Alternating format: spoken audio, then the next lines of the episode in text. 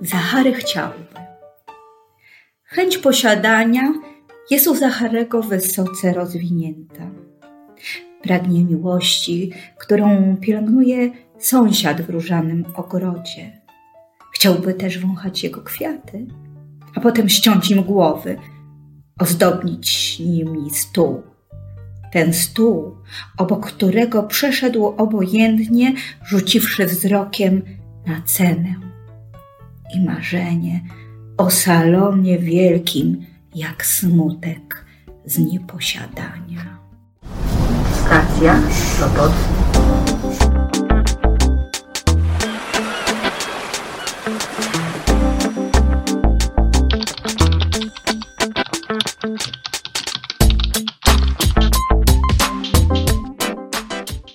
Dzień dobry.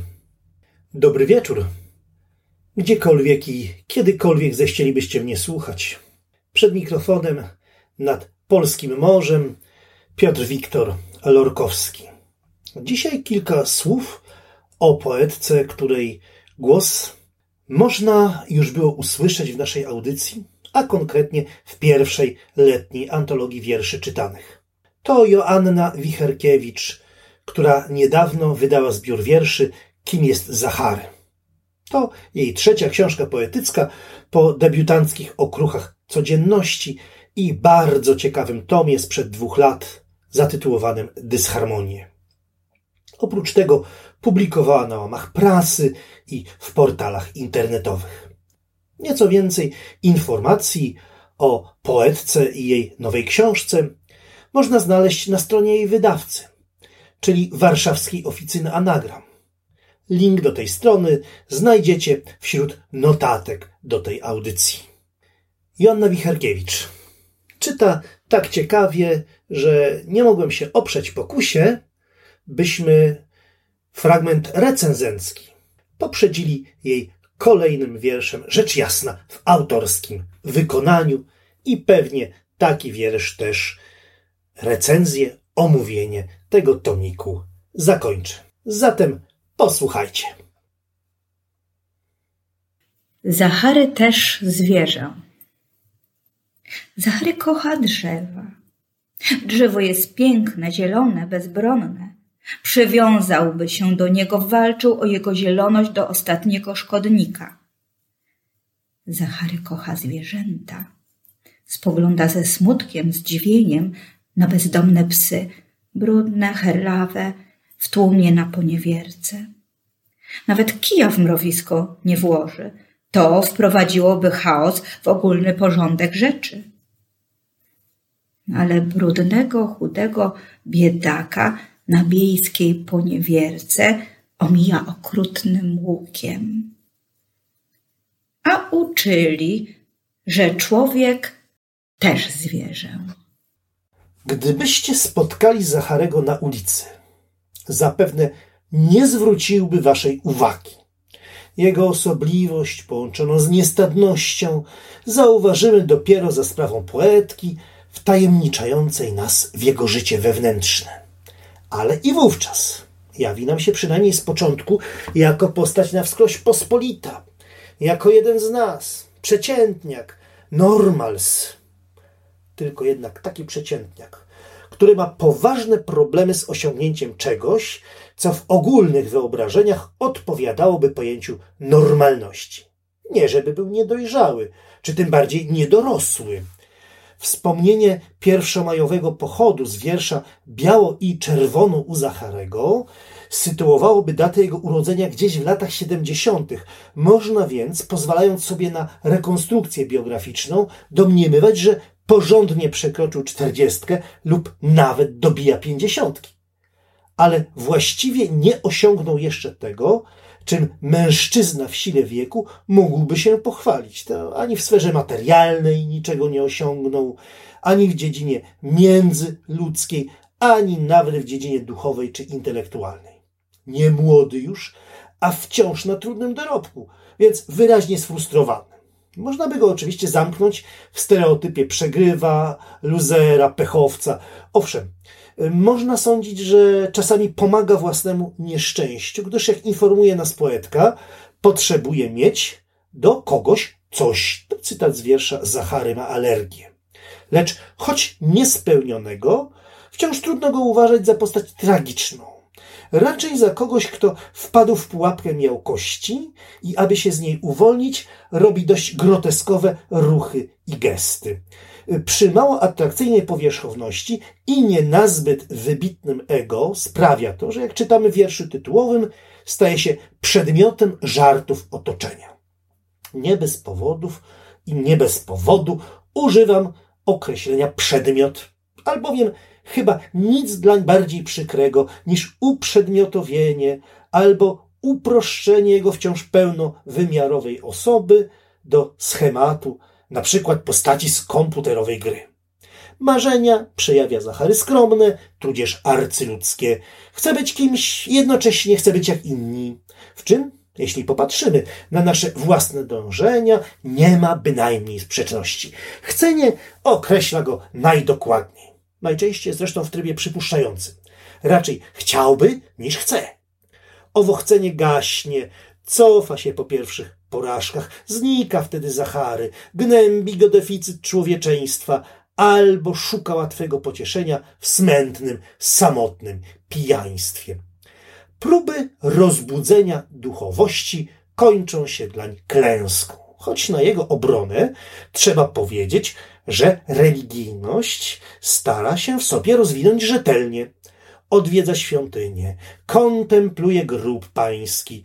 Transcendencja jednak, nawet najdrobniejszym słowem, nie odpowiada na jego bez wątpienia szczere poruszenia duszy, ani na sumienną refleksję moralną. A więc pozostawia go samego, wstrzymającym go na krótkiej smyczy sumieniem, ze wspomnieniem udręczonej matki zawiedzionej, że potomstwo wydane na świat nie jest wymarzoną córką. Miast religijności pozostał mu rytuał powierzchownego, skomercjalizowanego świętowania, pozbawiony wzmacniających egzystencjalnie treści. Podobnie oparcia nie znajduje w zmurszałym, mocno nadwyrężonym rodzinnym micie. No, bohater doświadcza wszak stanów spontanicznego oświecenia, ale brak mu odwagi, żeby podjąć ryzykowne, wynikające z nich decyzje. Próbuje intelektualnie uchwycić nieokreślone istnienie. Z umysłowego usposobienia sceptyk, zaprzątnięty wartościami, lektur filozoficznych nie unika, acz czuje, że na ich dnie miast gwiaździstego diamentu krystalizuje się smutek. Aczkolwiek nawet istota tak nieważna i zagubiona jak on zasługuje czasem na drobne pocieszenie, które na chwilę scali go i zintegruje niby fragment przeczytanego wiersza, zaświergoczy doń głosem ptaka, albo docierający do niego szum morskiej muszli złagodzi lęk. Chwile takie trwają jednakże zbyt krótko, aby mógł wziąć głębszy oddech i podążyć w szczęśliwszą stronę, opuszczając strefę oswojonego, poniekąd bezpiecznego dyskomfortu. Poprzedni zbiór Joanny Wicherkiewicz, a były to dysharmonie z roku 2018, zawierał wiersze konfesyjne. Teraz poetka wykreowała osobnego, lirycznego bohatera. Pomimo różnicy poetyckich strategii, oba zbiory łączy zatroskanie autorki o jakość istnienia, które pomimo przeszkód i niedoskonałości, rozczarowań i klęsk, pozostaje warte choćby skromnego sukcesu. Oświecenie. Zachary doświadcza iluminacji. Stoi na szczycie szklanej góry, nad nim wisi wielobarwna prawda. Rozpływa się pastelowymi ideami po ostrych krawędziach. Skacz! krzyczą gapie. Nie będzie bolało. Zachary wie, że był taki jeden. Z ołowianych marzeń o locie pozostał zapach topionego wosku. I inny, którego niespełnienia zabrał nurt. A jednak musi boleć. otwiera oczy. Słońce rani mu źrenicę.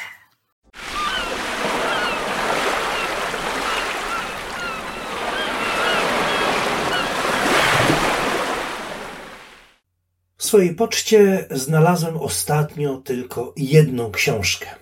Ale za to jaką? Bosiny Tomasza Pietrzaka. Wiersze mocne, miejscami polemiczne, miejscami bardzo cielesne. Zdecydowanie warte znajomości, tak jak te, które znajdowały się w poprzednich książkach tego autora. No, dziękuję poecie za podzielenie się nimi. A w tym momencie chyba zdradzę Wam, co robię z nadesłanymi książkami. Po prostu co ranka wkładam jeden z tomików do swojej poczty, zabieram go w drogę do pracy, od czasu do czasu go podczytuję sobie, wtedy kiedy nikt nie widzi.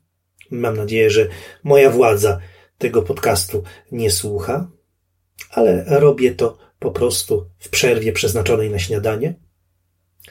Jakby ktoś pytał. Ale nawet kiedy nie uda mi się danego dnia otworzyć tego tomiku, to bardzo mocno mnie wzmacnia i cieszy już sam fakt, że nadesłane wiersze po prostu ze mną są. I dlatego z wielką wdzięcznością myślę o wszystkich, którzy mi swoje tomiki przysyłają. A w najbliższych dniach czeka mnie radosna uroczystość. Osiemdziesięciolecie, osiemdziesiąte urodziny księdza poety z Doliny Dolnej Wisły, Franciszka Kameckiego, na które oczywiście do Gruczna się wybieram. Natomiast wszystkim moim słuchaczom serdecznie dziękuję za czas i uwagę poświęcony 42 odcinkowi Nadmorza. Mój podcast jest dostępny na Spotify. Można go znaleźć również w podstacji, czyli w jednym z większych katalogów polskich podcastów. Zachęcam wszystkich do dzielenia się wrażeniami i uwagami na temat omawianych wierszy albo mojego sposobu ich odczytywania. Życzę wciąż rosnącemu w liczbę, wciąż rosnącemu w talenty gronu nadmorzan, by niezmiennie sprzyjała im muza, a wirus omijał wszystkich szerokim łukiem. Z Sopotu, tym razem z pracowni, mówił do Was Piotr Wiktor Lorkowski.